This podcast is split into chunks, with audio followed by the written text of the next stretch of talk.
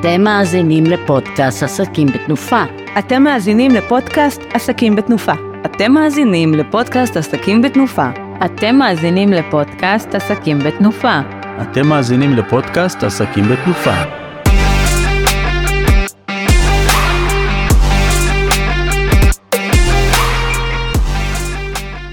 צהריים טובים, אנחנו בפרק מספר 18 של פודקאסט אה, עסקים בתנופה.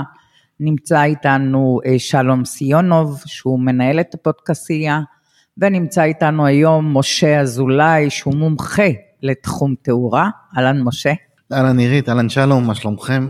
ואני, אדריכלית עירית מנדלוביץ', אדריכלות באחריות, מאלף עד תף. היום אנחנו נרצה קצת לשפוך אור על מה תפקידו בעצם, מה תפקידה של התאורה בפרויקטים שאנחנו מתכננים ומבצעים. אז משה, בוא תסביר לנו למה זה חשוב בכלל. אז בוא נמקד את זה. כשאנחנו מדברים על תאורה, אנחנו מדברים על תאורה ואדריכלות. יש הבדל בין תאורה ואדריכלות לתאורה ועיצוב פנים, ניכנס יותר לתאורה ואדריכלות. כשאני מדבר על תאורה ואדריכלות זה איך אני מדגיש את האלמנטים האדריכליים באמצעות תאורה. איפה נותן אור בשביל להעצים את החוויה האדריכלית. להדגיש את מה שרצה לתת האדריכל ומה שרצה לסמן האדריכל או להבליט בפרויקט, ושם אני אתן את הפוקוס. זאת אומרת שמה שאתה אומר זה שבאמצעות התאורה אני יכולה יותר לחזק את המוטיבים האדריכליים, זה בעצם מה שאתה אומר. כמו שבתאורה משתמשים בעיצוב פנים במסעדות, בתי קפה, ליצור את האווירה הרצויה במקום, או שבבית ניצור את האווירה הרצויה בבית, אז גם בתאורה אדריכלית ניצור את ה... בתאורה לאדריכלות ניצור את התאורה שתעצים את האדריכלות, אם יש לי איזשהו אלמנט אדריכלי כמו קשת מיוחדת, משתמשים בזה המון במבנים עתיקים היום שרוצים לתת שם הדגשים לאלמנטים אדריכליים מסוימים, לחלונות מעניינים, כבילים, כל מה שקשור להבליט את האדריכלות של המבנה.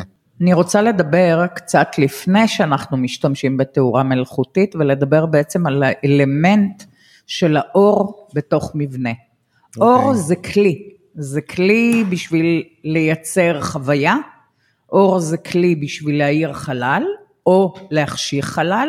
אור זה איזושהי דינמיקה מסוימת שיש לך אותה, זה כמו חומר ביד היוצר. אני הייתי, אני יכולה לומר לכם שאני הייתי במבנה של פרנק לויד רייט, שהוא יצר את הטלסינג ווסט שהוא עשה באריזונה, הוא יצר מעין מסדרון שאתה עולה, אין לך אור בכלל, ואז פתאום אתה נופל לאיזשהו חלל אולם הרצאות, וזה נראה לך וואו, זה רק היה בגלל האור. לא היה שם שום דבר חוץ מאור, משחקי אור, העובדה שאתה נכנס למקום חשוך ופתאום מואר לך חלל מרכזי. כשאנחנו מתכננים למשל גגות, ובגג אני עושה איזשהו אה, נקודת אור, איזה skylight או משהו בסגנון הזה, פתאום כל הבית מואר. גם אם אני אעשה חלונות לכיוון דרום ומערב, שכביכול יש שם באופן תמידי אור, אם אני בגג אפתח חלון קטן, 60 על 60, לא מעבר לזה, הבית תמיד יהיה מואר. אז בעצם כבר כשאנחנו מדברים על תאורה, אנחנו מדברים על איזשהו חומר שאנחנו מתייחסים אליו.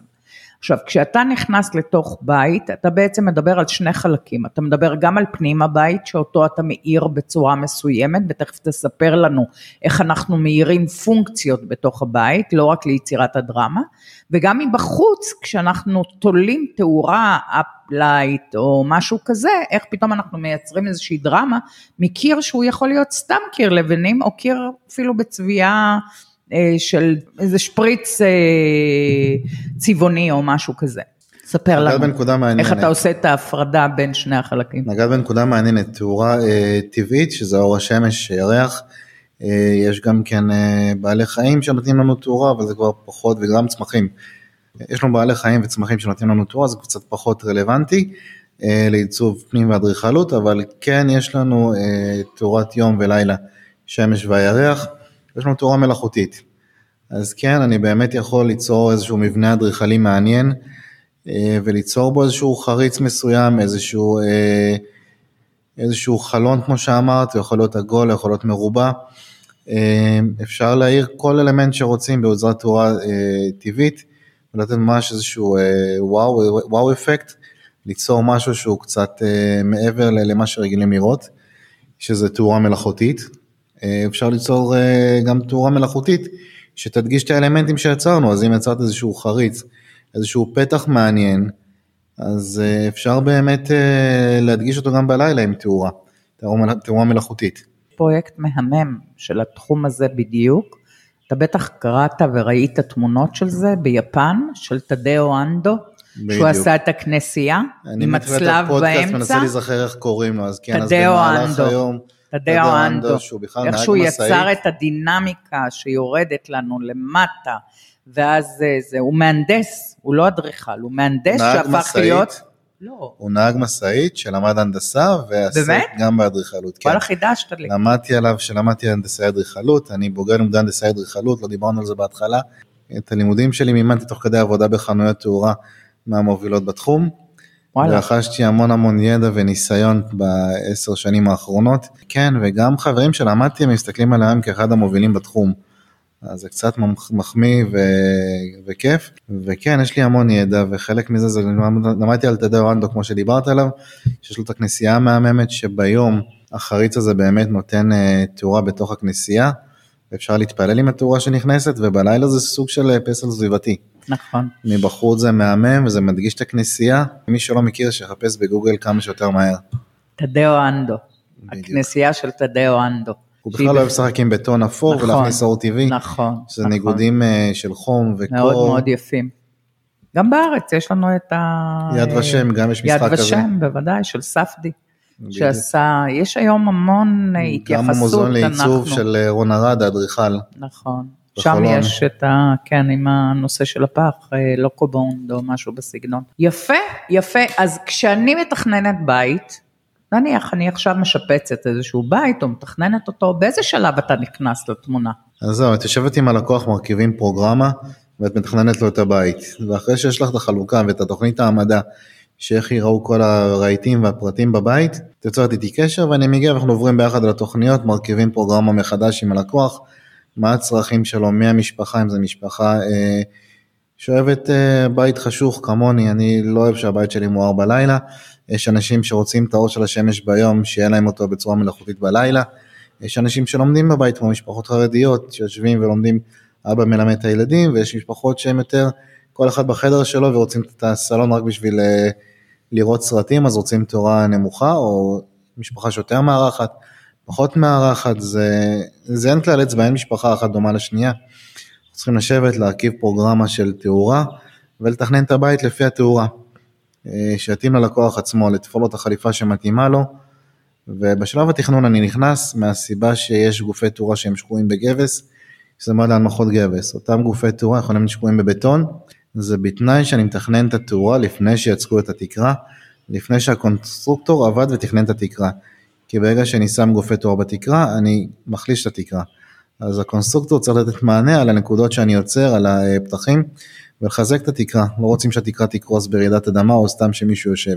אז שלב התכניות, אני נכנס ואני מתכנן את התאורה ביחד עם האדריכל, ביחד עם הדיירים בבית, אם יש מעצב אז גם עם המעצב. מרכיבים פרוגרמה, מתכננים הכל ביחד, שיתאים למי שגר בבית ומי שמשתמש. אבל אתה אה, לא רק מתכנן, נכון? אתה גם אה, סוג של יבואן של כל מיני חומרים, נכון? אני גם מיני- מייבא דברים מספקים בחו"ל, אני גם אה, משתמש המון בספקים מקומיים, אה, גם יוצר בידיים שלי דברים שצריך. כל מה שקשור בתאורה אני אוהב להתעסק עם זה.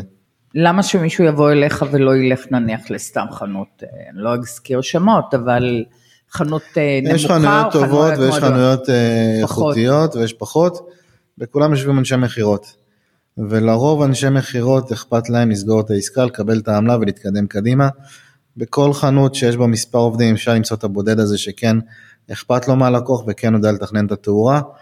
אה, אליי פונים לתכנן תאורה בצורה נכונה ולא לבחור מה שיש לי על המדף ולספק אותו כרגע או למכור ללקוח את העסקה הכי טובה למוכר.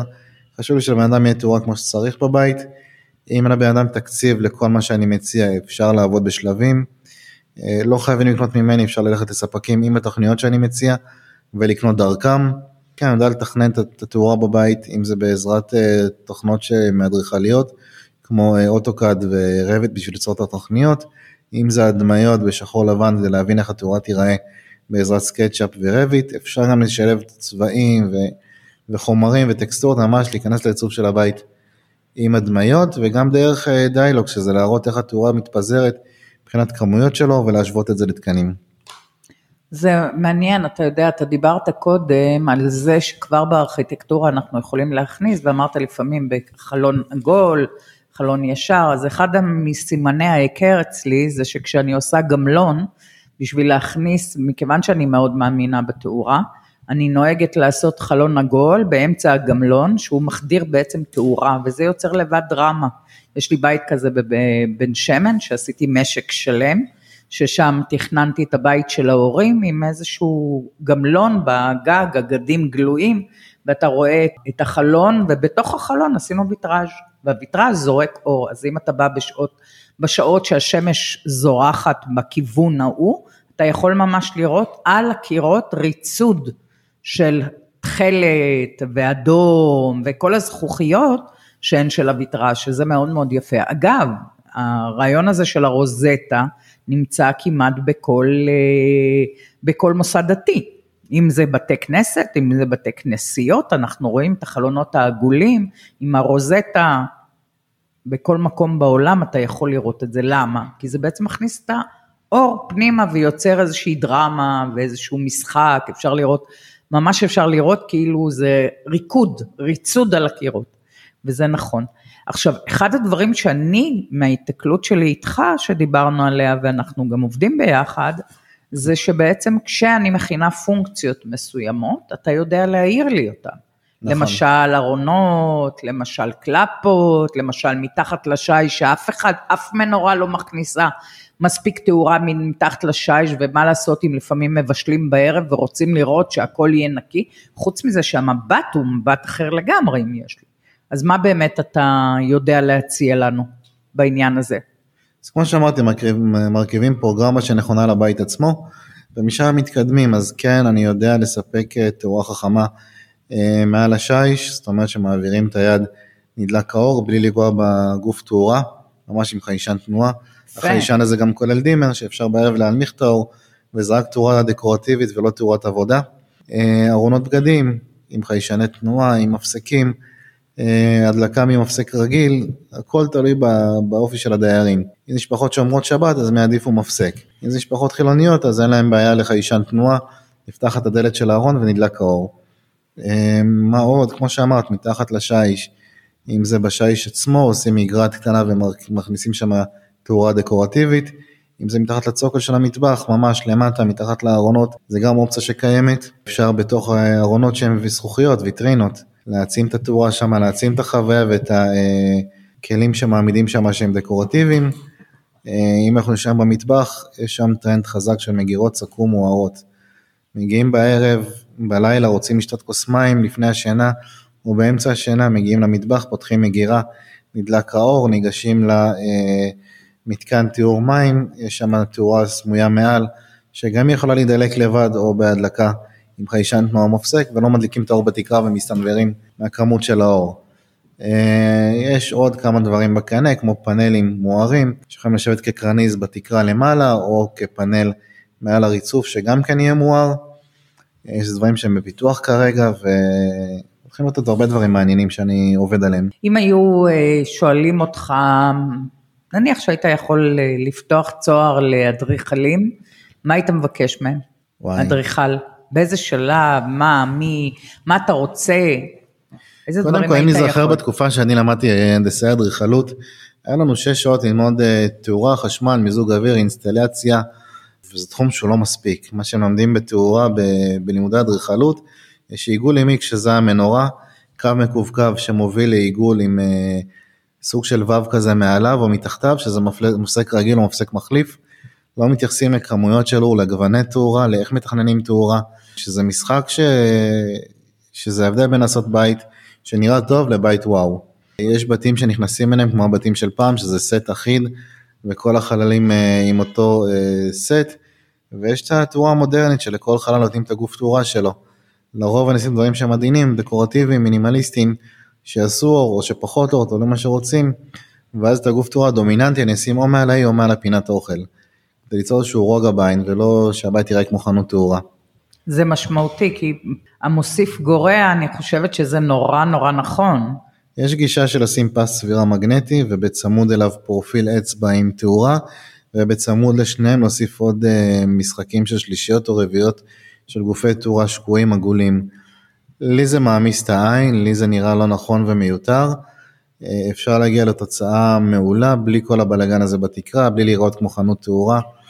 Uh, אני פחות אוהב את זה, אני אוהב בתים רגועים, עדינים, נקיים. בן אדם מגיע הביתה אחרי היום הבלגן שהיה לו, צריך להירגע, להרגיע את המוח. ועומס של תאורה בתקרה זה משהו שיוצר את ההפך.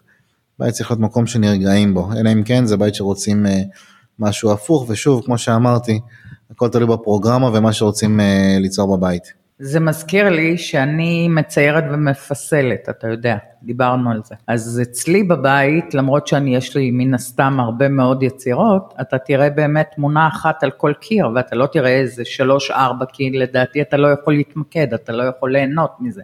זה עודף. במוזיאון אני מסתכלת על תמונה אחת, אני לא מסתכלת על כמה בבת אחת. גם כשאני במוזיאון, שכאילו שם באמת מכינים לנו כל היצירות ואתה כאילו עובר ממש בצורה סיסטמטית ורואה, עדיין אני לא אוהבת שיש, אה, כי זה באמת מבלבל, זה מבלבל, זה יוצר עודף גריעה, זה, ותאורה במיוחד, תאורה היא משהו שהוא לגמרי בולט כשהוא מוגזם. והוא לא נכון. אתה נוהג לעשות שילובים של אה, נניח אה, אור חם ואור קר, איך אתה בדרך כלל מתכנן את זה? הרי זה מחולק לכל מיני גוונים, נכון? יש סקאלה רחבה של גווני תאורה, mm-hmm. שזה מתחיל ב-2000 קלווין, שזה המנורות פחם, או מנורות שדומות לפחם, שהן מאוד צהובות. זה נשים כתאורה דקורטיבית, mm-hmm. משהו ליופי באזור מסוים.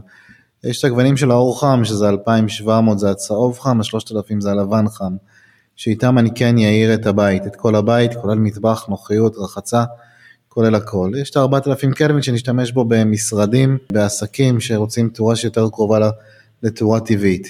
ויש את האור הלבן, ה-6,000 קלווין, שאני פחות משתמש בו. כשאני מגיע למקומות שיש בהם אור לבן עם 6,000 קלווין, כואבות לי העיניים, יש לי מיגרנות, לא נעים לי באור הזה. נכון. זה האור שהוא יותר חזק. תאורה כזאת אני אשים במקומות שאני לא רוצה שאנשים יישארו שם. זאת אומרת, אם באים אליי אה, ועד בית של בניין שגרים בו אנשים מבוגרים, ומפריע להם שילדים יושבים בחדר מדרגות, שזה מקרה שקרה לי, שמנו תאורה לבנה, ופשוט ילדים הפסיקו לשבת שם. לא נעים להם לשבת שם באור, הם לא יודעים מה הסיבה שהם לא יושבים שם. פשוט התאורה חזקה, לא נעימה, הם נכנסים לבתים שלהם, הם לא יושבים בחדרי מדרגות, ולא במבואה של הבניין. מעבדות שצריכות אור לבן, יש מקומות שהתקן דורש אור לבן, שם אני באמת אשתמש באור לבן. מעבר לזה, אני לא משתמש באור לבן, זה גם לא בריא, יוצר השפעות מנטליות, גם כן גורם להפרעות שינה, יש עוד הרבה תופעות שליליות לאור לבן. זאת אומרת שלתאורה יש גם השלכה למצב הנפשי שלנו. כן. זה בעצם מה שאתה אומר. נכון, נכון, בצורה מסוימת כן. יש גם אה, חקירות של כל מיני כאלה נכון, שמראים אז... שלא נותנים לבן אדם לישון ושמים עליו אור לבן. נכון. יש לנו uh, במוח, בראש, את בלוצת האסטרובל שהיא מפרישה הורמון שנקרא מלוטונין, שהוא נקרא גם כן הורמון השינה.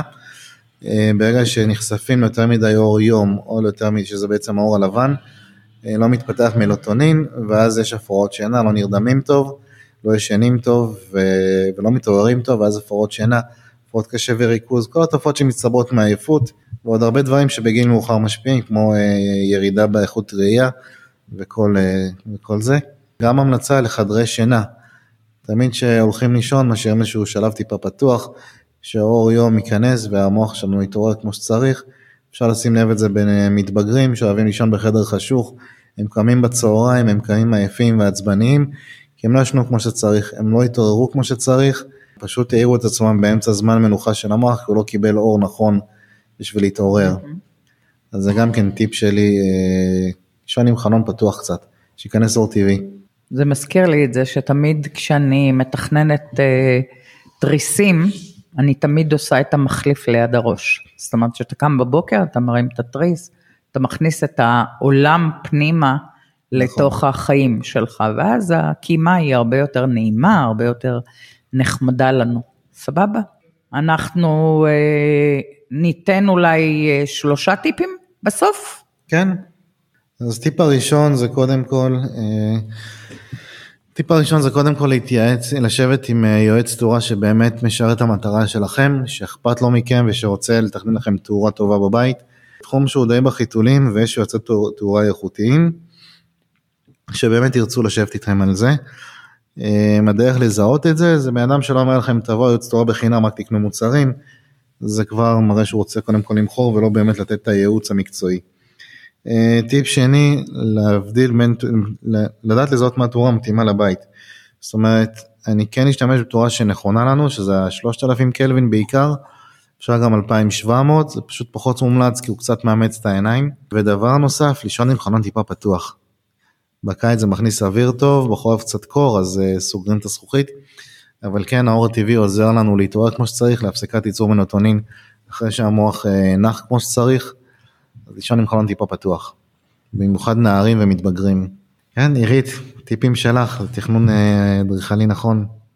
תראה, לגבי תכנון אדריכלי יש מיליון. הדבר הראשון שאני לפחות חושבת שנורא נכון לבן אדם, ואני השבוע בדיוק דיברתי על זה, זה שאנשים מתחילים את התהליך, ואז הם נורא נבהלים מהסכומים שהם הולכים להוציא, ואז הם אומרים, לא, אני אקח אדריכל, ישרטט לי מה שאני רוצה ויהיה בסדר.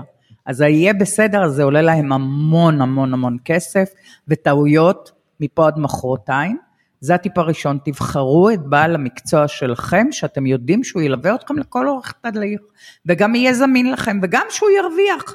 כי אם הוא לא ירוויח, הוא לא יעשה את זה, אף אחד לא עושה את זה בשביל לשם שמיים. הדבר השני שאני בתור מי שמתעסקת אה, באדריכלות כבר למעלה מ-25 שנה, זה כשאני הולכת לבחור בעל מקצוע כלשהו, אל תישענו רק על, אה, אמרו לי בפייסבוק שהוא טוב, לא. תלכו, תשאלו אנשים, תקבלו חוות דעת, זה נכון לגבי תאורה, זה נכון לגבי אדריכל, זה נכון לגבי אה, אינסטלטור אפילו. זה לא מספיק שמישהו כתב לך בפייסבוק, בוא'נה זה ממש זה, תשאל, מישהו ענה לך, אמר לך, תשמע, הבן אדם הזה אני ממליץ לך, הוא סופר, תכתוב לו בפרטי, מה, מה, מה הייתה החוויה שלך? בוא תספר לי. אז זה פעם שנייה. פעם, הדבר השלישי שאני אה, חושבת זה, אה, תעשו לכם רשימת מכולת. פשוט מה אתם רוצים מהבית שלכם. לפני שאתם מתחילים את התהליך בכלל, בכל תחום ותחום. תאורה, מה אתם רוצים? אתם רוצים אור, אתם לא רוצים אור, אתם אוהבים חושך, אתם רוצים חללים קטנים, אתם רוצים חללים גדולים, אתם צריכים פינת טלוויזיה, אתם לא צריכים פינת טלוויזיה, אתם צריכים פינת עבודה, לא. הכל לעשות איזושהי רשימה עוד לפני שנפגשת עם האדריכל. ברגע שאתה ובת הזוג שלך תשבו ביחד ותגבשו דעה מה בדיוק אתם רוצים, גם הבן אדם שאתם תיתקלו בו בהמשך כאיש המקצוע שמלווה אתכם, הוא יוכל יותר להתחבר לזה, והוא יוכל לעזור לכם להגיע לדיוק יותר גדול. זהו. נעמת לי מאוד, משה. גם אתם לי. אה, שוב תודה לשלום על האירוח, ואני, אדריכלית עירית מנדלוביץ'. לא נשכח את B&I, עסקים בתנופה, נכון. שהפגישו בינינו, וזה חלק מהיוזמה של הקבוצה. נכון, של שלום שהביא את זה לקבוצה. רעיון אה, נפלא. ומוזמנים להתארח בקבוצה.